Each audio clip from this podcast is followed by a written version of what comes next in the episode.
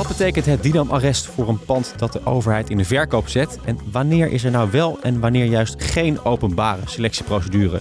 Wat zijn de gevolgen voor ondernemers? Mijn naam is Koos Tervoren en dit is Stibbe Legal Insights. En in deze podcast duiken we in de casus van het Didam-arrest.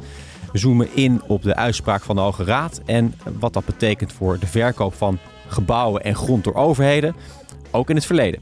Ik praat erover met Ali Al-Khatib en Erik Verwij, beide advocaat bij Stibbe. Welkom allebei. Dank. Leuk dat jullie er zijn.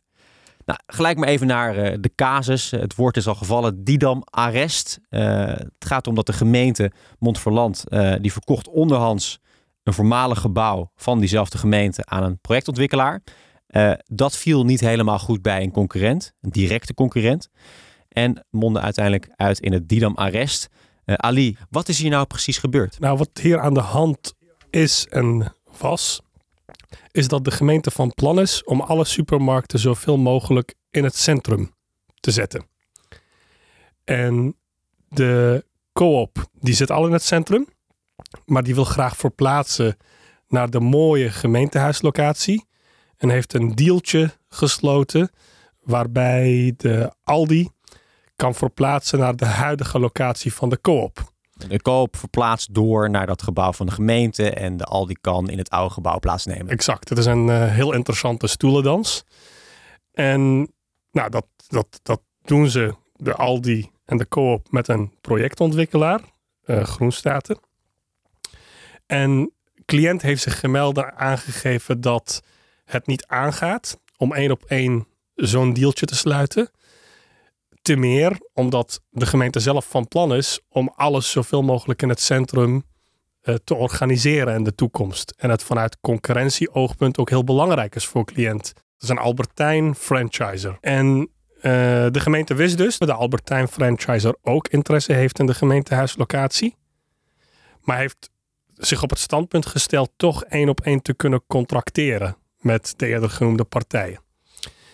En wij hebben aangegeven dat dat niet kan. Dat er zoiets is als een transparantiebeginsel. En dat je eigenlijk iedereen in de gelegenheid moet stellen om netjes te bieden op zo'n schaarse locatie.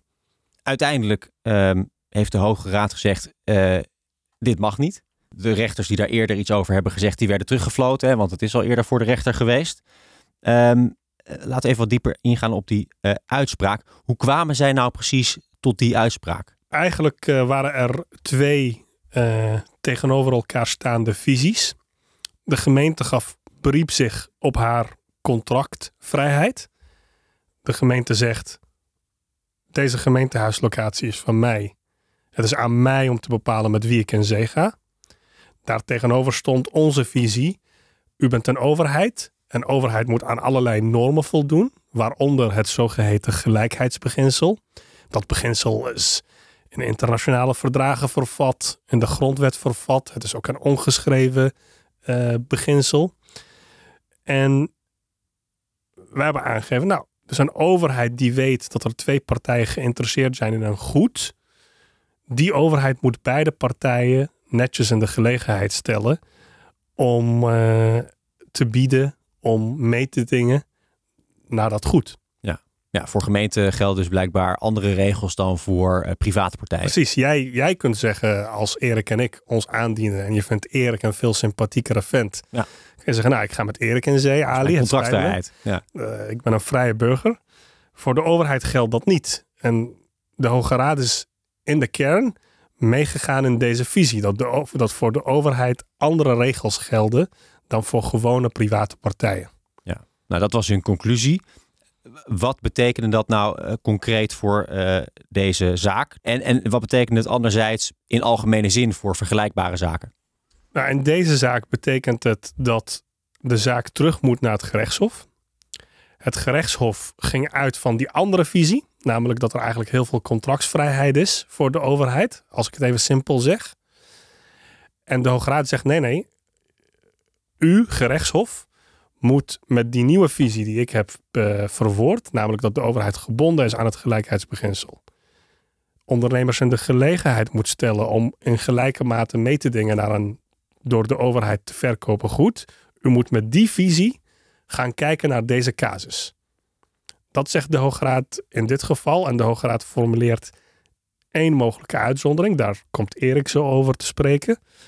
Eh, namelijk de uitzondering van uniciteit. Dat, dat je geen procedure, selectieprocedure organiseert als op voorhand vaststaat dat er maar één serieuze partij is. Nou, jouw tweede vraag was: wat betekent dat nou in brede zin? In brede zin betekent dit gewoon een trendbreuk. Eh, in het verleden was het zo dat je als projectontwikkelaar met goede connecties uh, met de betreffende gemeente meestal gewoon als eerste uh, aan de bel trok en aangaf van nou, ik heb er zin in, ik ga gewoon uh, een uh, mooi plannetje uitvoeren. Nou, en dan was je als de kip erbij en visten projectontwikkelaars die, of, of andere partijen die minder goede connecties hadden achter het net. Nu moet de overheid daar transparant over zijn. Nu moet de overheid aangeven in de regel, er komt grond of een gebouw of iets anders beschikbaar. Geïnteresseerde partijen kunnen zich aanmelden onder die en die voorwaarden. Tenzij eh, door de Hoge Raad geformuleerde exceptie van uniciteit, dat er maar één serieuze gegadigde is. Tenzij die exceptie van toepassing is. Maar ook dan, ook dan heb je een trendbreuk met de huidige situatie. Want ook dan moet je openbaar maken, moet je aankondigen dat je met één partij in zee zult gaan en om welke redenen je, dat, je, je, zult, uh, je dat zult doen. En eigenlijk moet de overheid dus veel transparanter zijn over hoe uh, dat soort stromen verkoop en aankoop, uh, verkoop gaat. Ja, en dat, en dat komt dus allemaal voort uit het gelijkheidsbeginsel. Um, ook die transparantie. Hey, je moet inderdaad daar open over zijn waardoor meerdere partijen kans maken, bijvoorbeeld op zo'n zo'n aanlocatie voor een supermarkt. Ja. Eh, even dat gelijkheidsbeginsel, wat houdt dat nou precies in? Ja, nou, het gelijkheidsbeginsel uh, houdt in dat je gelijke gevallen op een gelijke manier moet behandelen. En er zit in het gelijkheidsbeginsel een materiële norm besloten. Dus jij en ik maken richting de overheid aanspraak op dezelfde zaken of op dezelfde rechten. En er zit ook een formele kant eraan. Uh, dat is nauw verbonden met de materiële kant, namelijk dat er procedures voor jou en mij moeten zijn om bepaalde rechten bij de overheid te halen. En hier zitten we op de formele kant van het gelijkheidsbeginsel. De overheid, eh, de Hoge Raad zegt in feite, om gelijkheid tussen partijen voor elkaar te krijgen, moeten we partijen de gelegenheid stellen om hun interesse kenbaar te maken, dan moeten we op basis van objectieve en eerlijke criteria bepalen wie wat krijgt. Dus die mededingingsnorm die de Hoge Raad formuleert, dat, dat iedereen moet kunnen bieden of moet mee kunnen doen uh, om een bepaald goed te kopen, die norm is bedoeld om de gelijkheid tussen burgers te bevorderen. Positief gezegd. Negatief gezegd is die norm bedoeld om cliëntalisme, willekeur, vriendjespolitiek uit te ballen. Ja, ja. dus, dus die, die procedures die zijn dus blijkbaar uh, belangrijk in dat uh, gelijkheidsbeginsel. Uh, maar nou denk ik, er is toch al een vergelijkbare procedure, namelijk de, de, aanbesteding en het aanbestedingsrecht. waarom of welke rol speelt het aanbestedingsrecht eigenlijk in deze zaak, Erik? Ja, dat is een goede vraag. Eigenlijk geen. Uh, eigenlijk speelt het aanbestedingsrecht, de aanbestedingswet die we in Nederland kennen, uh, helemaal geen rol in deze zaak. Uh, het is ook eigenlijk zo dat de verkoop van grond door overheden buiten de aanbestedingsregels valt. dus ja, onder die regels moeten contracten voor de aankoop van diensten, leveringen en, en bouwwerken worden aanbesteed, Europees aanbesteed volgens Europese regels die we dus ook in Nederland hebben. En eigenlijk is al in 2010 door de Europese rechter in het bekende arrest Helmoet Muller uitgemaakt dat verkoop van grond uh, en verkoop van onroerende zaken door overheden uh, eigenlijk buiten die regels valt, dus niet Europees aanbesteed hoeft te worden, omdat het nou eenmaal geen contract is waarbij bouwwerkzaamheden worden opgedragen. Uh, dus ja, de praktijk was dan ook dat overheden gewoon grond konden uitgeven zonder aanbestedingsplicht. Uh, op grond van die regels. En dat is eigenlijk heel lang zo uh, gegaan, totdat nu we, dit arrest hebben van de Hoge Raad. En de Hoge Raad dus zegt, nou ja, oké, eh, op grond van het gelijkheidsbeginsel, dus iets heel anders dan die aanbestedingsregels, is er toch een vorm van een selectieprocedure. Ja, het, het, wordt niet een aanbesteding genoemd, maar het vertoont wel gelijkenissen daarmee, uh, verplicht. maar ja, dat is eigenlijk iets extra's, iets wat losstaat van, van de aanbestedingsplichten onder die aanbestedingsregels. Ja. we kunnen dit geen aanbesteding noemen, maar komt er in feite op neer dat het er sterk blijft. Ja, er zijn de meningen nog wat verdeeld over. Maar het, het, is wel zo dat verschillende ondernemingen de kans krijgen om mee te dingen. Dus dat heeft wel trekjes van de aanbesteding. Ja, ja, ja. ja. Maar er is hierop een, uh, een uitzondering. Dus dat er niet zo'n selectieprocedure hoeft te zijn. Uh, wanneer is dat nou precies? Ja, ja, zoals Ali inderdaad zei, als je eigenlijk vooraf al weet, of redelijkerwijs kan verwachten, zoals de Hoge Raad zegt, dat er maar één serieuze gegadigde zal zijn, één serieuze partij die de grond kan kopen. Nou ja, dan is het ook logisch dat je geen eh, selectieprocedure gaat toepassen. Want dan weet je al dat er maar één partij uiteindelijk die kan winnen. Dus dan hoef je geen, geen selectieprocedure te doen. Dan is het natuurlijk wel zo dat de voorwaarden van die gronduitgifte wel uh, ja, objectief moeten zijn. Niet helemaal toegeschreven naar één bepaalde partij. Uh, ik kan dat je dan inderdaad in, de, in de opdracht uh, een precies toeschrijft naar die partij waarmee je dat contract wil aangaan. Precies, de Hoge Raad zegt die voorwaarden moeten objectief zijn. Dus, dus ja, het mag niet naar één partij zijn toegeschreven. Maar als dat nou het geval is. Ja, en je weet al eigenlijk van tevoren dat er maar één partij dat die, die grond kan kopen, het beste bod kan doen. Dan kan je dus afzien van die selectieprocedure. En wat Ali ook al noemde, is dat de Hoge Raad zegt: ja, dan moet er nog wel een aankondiging worden gedaan. door het overheidslichaam. Dus voordat die grond wordt verkocht of die locatie wordt verkocht, moeten ze dat bekendmaken. En dan moeten ze ook motiveren waarom er dan geen selectieprocedure nodig was, waarom er maar één serieuze gegadigde was. En ja, de gedachte is natuurlijk dat andere ondernemingen dat dan ook kunnen zien, dat het transparant is. En als ze het er niet mee eens zijn, ook naar de rechter kunnen, die dan kan toetsen of het inderdaad zo is dat er maar één serieuze partij is. Ja, want voorheen was het dus blijkbaar niet verplicht om dat uh, te melden als je inderdaad zo'n direct contract aan wilde gaan. Ja, ja, ja, en dan heb je op een gegeven moment de situatie waarbij een contract al is gesloten, misschien al in uitvoering. Ja, dan is het natuurlijk lastiger voor een rechter om nog in te grijpen. Ehm, ja, dus het is ook een stukje rechtsbescherming die eigenlijk aan uh, concurrenten wordt gegeven. Maar hoe vaak komt dit nou voor dat er maar één gegadigde, één echte gegadigde is voor een stuk grond of een gebouw? Ja, dat is een grote vraag die iedereen erg uh, in vervoering uh, laat op dit moment. Het is eigenlijk jammer dat de Hoge Raad daar weinig over zegt. Ze zeggen natuurlijk, nou ja, één serieuze gegadigde. Maar wanneer is dat nou aan de hand? Uh, dat, dat zegt de Hoge Raad. Daar geeft de Hoge Raad weinig aanknopingspunten voor. Dus daar moet verdere rechtspraak ook meer duidelijkheid over gaan geven. We krijgen natuurlijk ook veel vragen over uh, vanuit onze praktijk. Uh, er kunnen wel wat voorbeelden bedenken. Hè. Dat moet natuurlijk ja. allemaal nog in rechtspraak worden uitgemaakt of het inderdaad zo werkt. Maar wij denken bijvoorbeeld aan een geval waarbij er een gebiedsontwikkeling is uh, een stukje uh, gebied ontwikkeld gaat worden en er één marktpartij al een groot deel van dat gebied in handen heeft, al eigenaar is van een groot stuk van het gebied.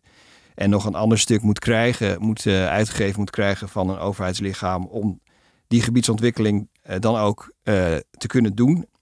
Ja, als het één eigenlijk niet splitsbare gebiedsontwikkeling is, waarvan het eigenlijk logisch is dat het aan één, dat één partij het doet, dan zou je kunnen zeggen dat die marktpartij ook dat, dat stukje grond uh, wat nog bij die overheid zit, moet kunnen krijgen. Uh, want ja, dat kan je dan niet gaan, gaan, gaan tenderen, want dat werkt niet. Omdat die partij al een stuk van het gebied in handen heeft. Ja. Uh, een ander voorbeeld wat wij wel zien in de, de energiepraktijk, wind- en zonneparken. Dat er al partijen zijn die beschikken over bepaalde kabelinfrastructuur naar een locatie waar opstalrechten worden uitgegeven om windturbines te plaatsen of om een zonnepark te gaan ontwikkelen.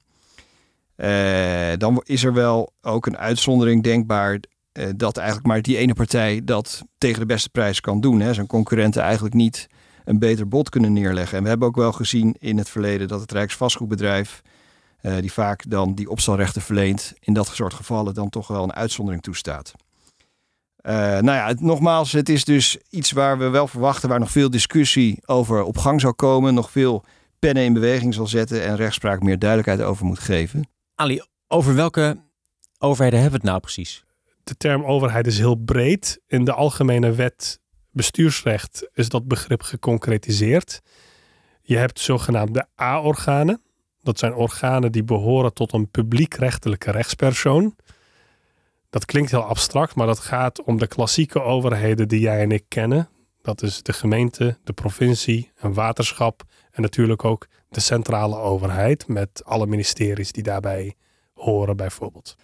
Erik, ehm, ja, dit arrest en alle gevolgen van dien, is dat uh, een, een goed iets? Is dat goed voor de concurrentiepositie? Hebben wij hier wat aan als maatschappij?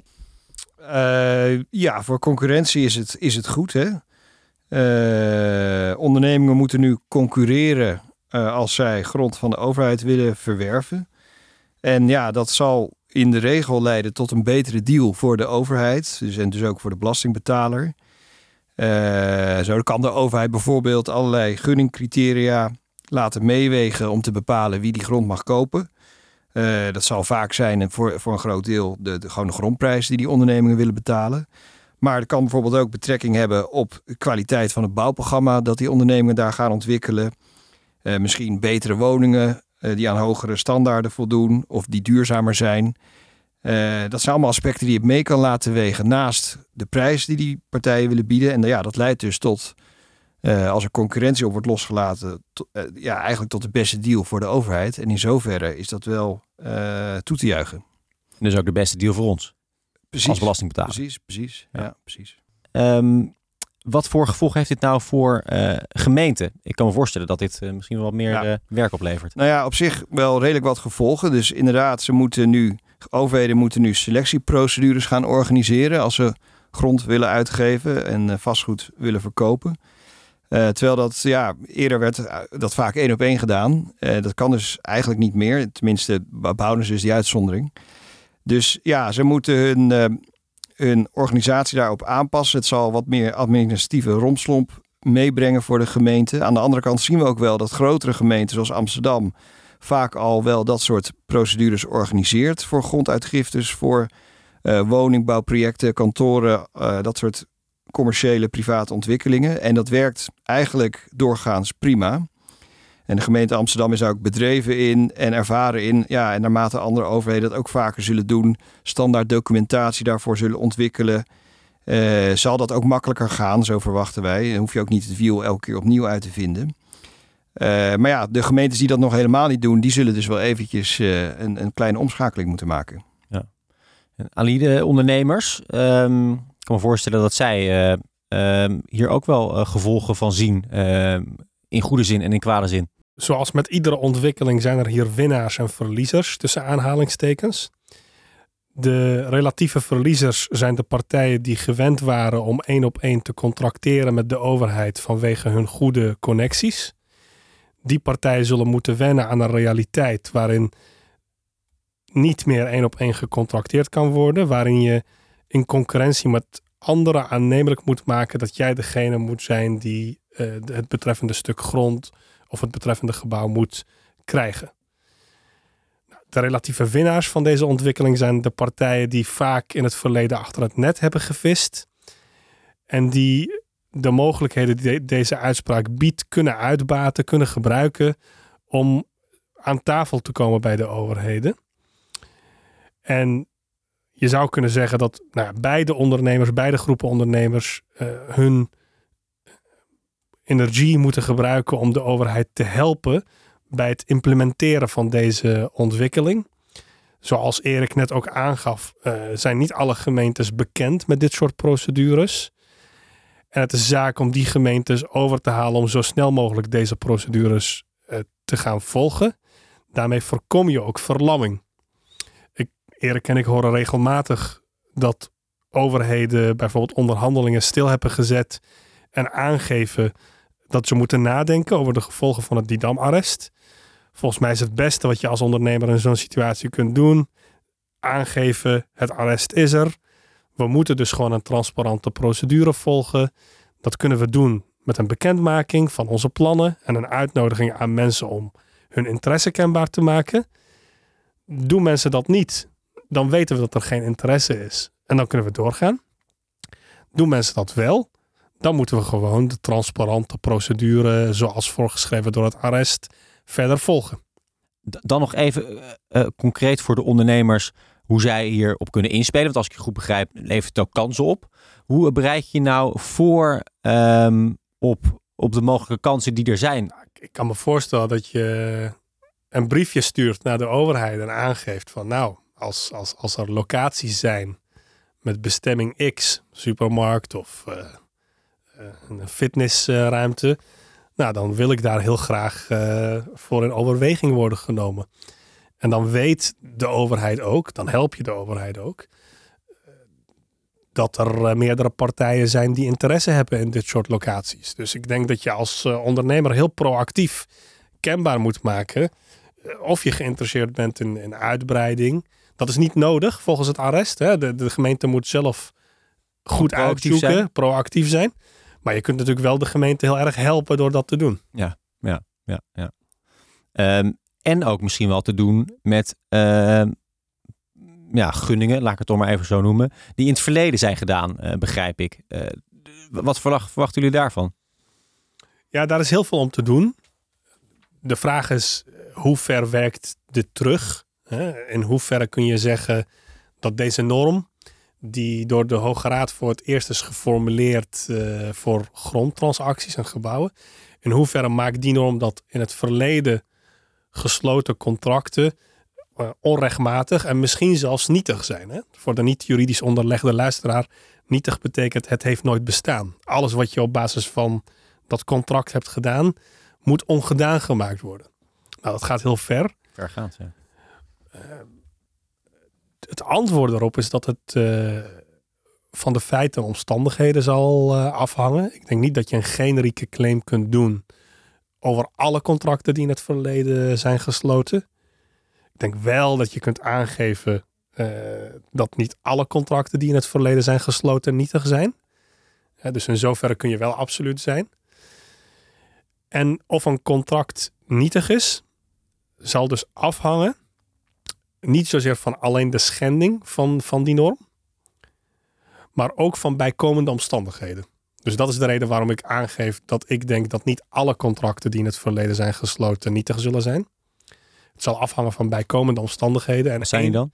En een van die omstandigheden is iemand heeft zich aangemeld, heeft aangegeven ik uh, heb interesse in deze locatie en is gewoon gepasseerd. Dus uh, er, zit, dan wat je zou kunnen noemen juridisch een gekwalificeerde schending. Niet alleen heb je de norm geschonden, maar wist jij ook eigenlijk wel dat jij uh, iets fouts aan het doen was, mede omdat iemand jou waarschuwde.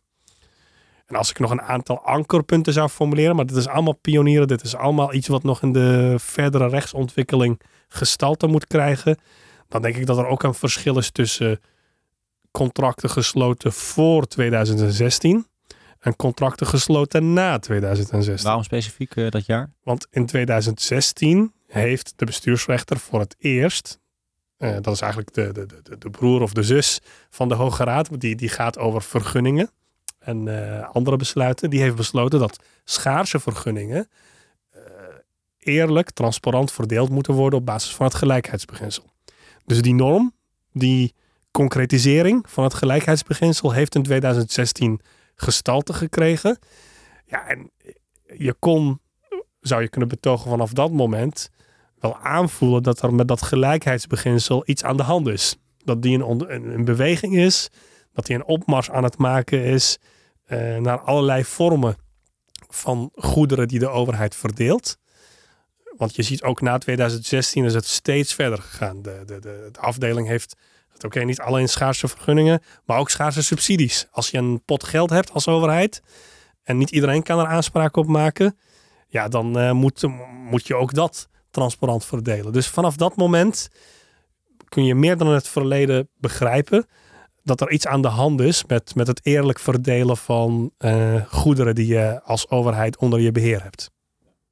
Ja, en als we kijken naar de toekomst, dan denk ik dat er toch wel behoefte is, zowel voor overheden als voor marktpartijen, om iets meer duidelijkheid te krijgen over welke remedies, rechtsmiddelen hebben ondernemingen nou om toch ja, bezwaar te maken tegen contracten die één op één worden gegund. Uh, daar zou je toch wel ook kunnen kijken en inspiratie kunnen ontlenen aan het aanbestedingsrecht. Ik zei natuurlijk, het heeft op zich niks met de aanbestedingswet te maken, maar zo'n selectieprocedure lijkt natuurlijk wel tot op zekere hoogte op een aanbesteding. In die aanbestedingsregels kennen we ook uh, ja, remedies voor ondernemingen om bijvoorbeeld als een contract ten onrechte niet wordt aanbesteed, dat aan te vechten. Uh, dan kunnen ondernemingen dat contract laten vernietigen. Het is net iets anders dan nietig verklaren, maar de consequentie is dat het contract onderuit gaat. Uh, en dat kan binnen vrij korte termijnen. En daarmee is ook een soort balans gezocht tussen enerzijds het beschermen van ondernemingen die benadeeld worden omdat er geen aanbesteding was. Maar aan de andere kant ook het beschermen van de overheid en, en de wederpartij die dat contract gegund kreeg. Dat ze weten, nou ja, na zoveel jaar kan niet ineens dat contract nog uh, onderuit gaan, terwijl er misschien een gebouw al helemaal staat. Nou ja, je zou kunnen zeggen, ook naar de toekomst toe zouden we ook zoiets, zo'n soort stelsel kunnen hanteren voor deze selectieprocedures. Dus uh, dat als er toch uh, een beroep op die uitzondering wordt gedaan, geen, geen selectieprocedure gehouden, dat een derde daar snel bezwaar tegen moeten maken. Daar hebben ze dan ook alle gelegenheid voor. In aankondiging wordt er immers gedaan. En als ze dat dan niet doen, ja, dan, dat het dan, dan ook is. Hè? Dat het contract dan gewoon gesloten kan worden en dan niet nog jaren daarna alsnog onderuit kan gaan.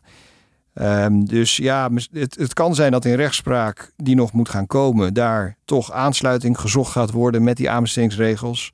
Of misschien zelfs de wetgever daar toch een stokje oppakt om daar iets meer duidelijkheid over gaan, uh, te gaan scheppen. Want ik denk dat de markt wel, de praktijk wel echt uh, iets meer rechtszekerheid daar zou willen. Samenvattend, ja, dit is een spannende ontwikkeling uh, die gemeenten en private partijen op korte termijn voor uh, uitdagingen gaat stellen, maar ook tot een uh, meer eerlijke verdeling van grondposities gaat leiden. Um, en ook dus een betere deal voor niet alleen overheden, maar ons als belastingbetaler.